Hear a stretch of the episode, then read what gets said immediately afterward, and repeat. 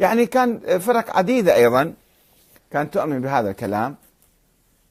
وأنا فصلت ذلك في في كتابي هذا التشيع السياسي والتشيع الديني.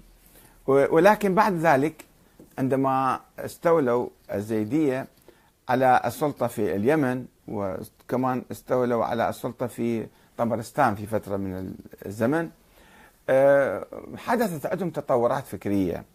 والتيار الجارودي غلب والتيار اللي كان يؤمن أنه حصر الإمامة وصارت الإمامة عندهم بالنص واحد كل واحد ينص على ابنه أو على آه، مثلا واحد من أقربائه. وصارت الإمامة تنتقل وعندما حكموا في اليمن حوالي ألف سنة يعني كانوا يتبادلون الإمامة آه، بصورة ضيقة وبصورة يعني إلى أن انتهى حكمهم. في الستينات عندما قامت الثورة آه، الجمهورية عليهم. وقضي على حكم الإمامة. فبعد ذلك عموم الزيدية انخرطوا في الجمهورية.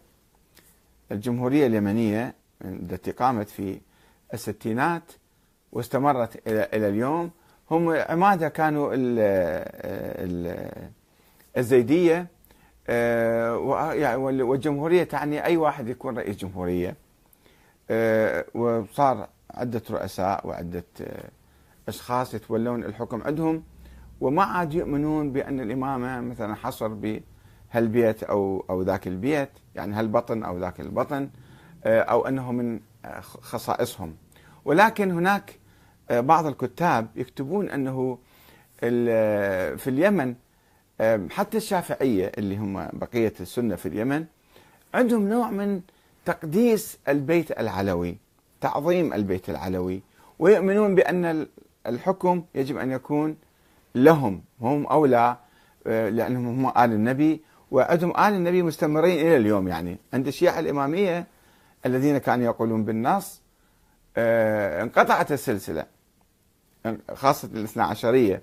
انقطعت في أواسط القرن الثالث الهجري وبعد ما يعترفون كل سيد مثلا أو كل من ينتمي إلى البيت هو آه، حقيق بالزعامة والإمامة والخلافة. لا يقولون خلص ظلوا ألف سنة الشيعة الإمامية ينتظرون الحكم ينتظرون الإمام المهدي ثم قالوا بولاية الفقيه أو بالجمهورية الآن بالعراق مثلا وهاتان نظريتان لا تشترط أن يكون الإمام من أهل البيت يعني أو من السادة الأشراف.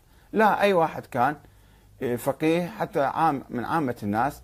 إما يكون فقيه مثلا يصبح إمام أو يصبح رئيس جمهورية أو لا حتى إنسان عادي إيه، يمكن يصبح آه، إمام. فتطورت الشيعة الإمامية حاليا إلى القول بنظرية بنظرية الجمهورية والشورى كما كانت عند الشيعة الأوائل.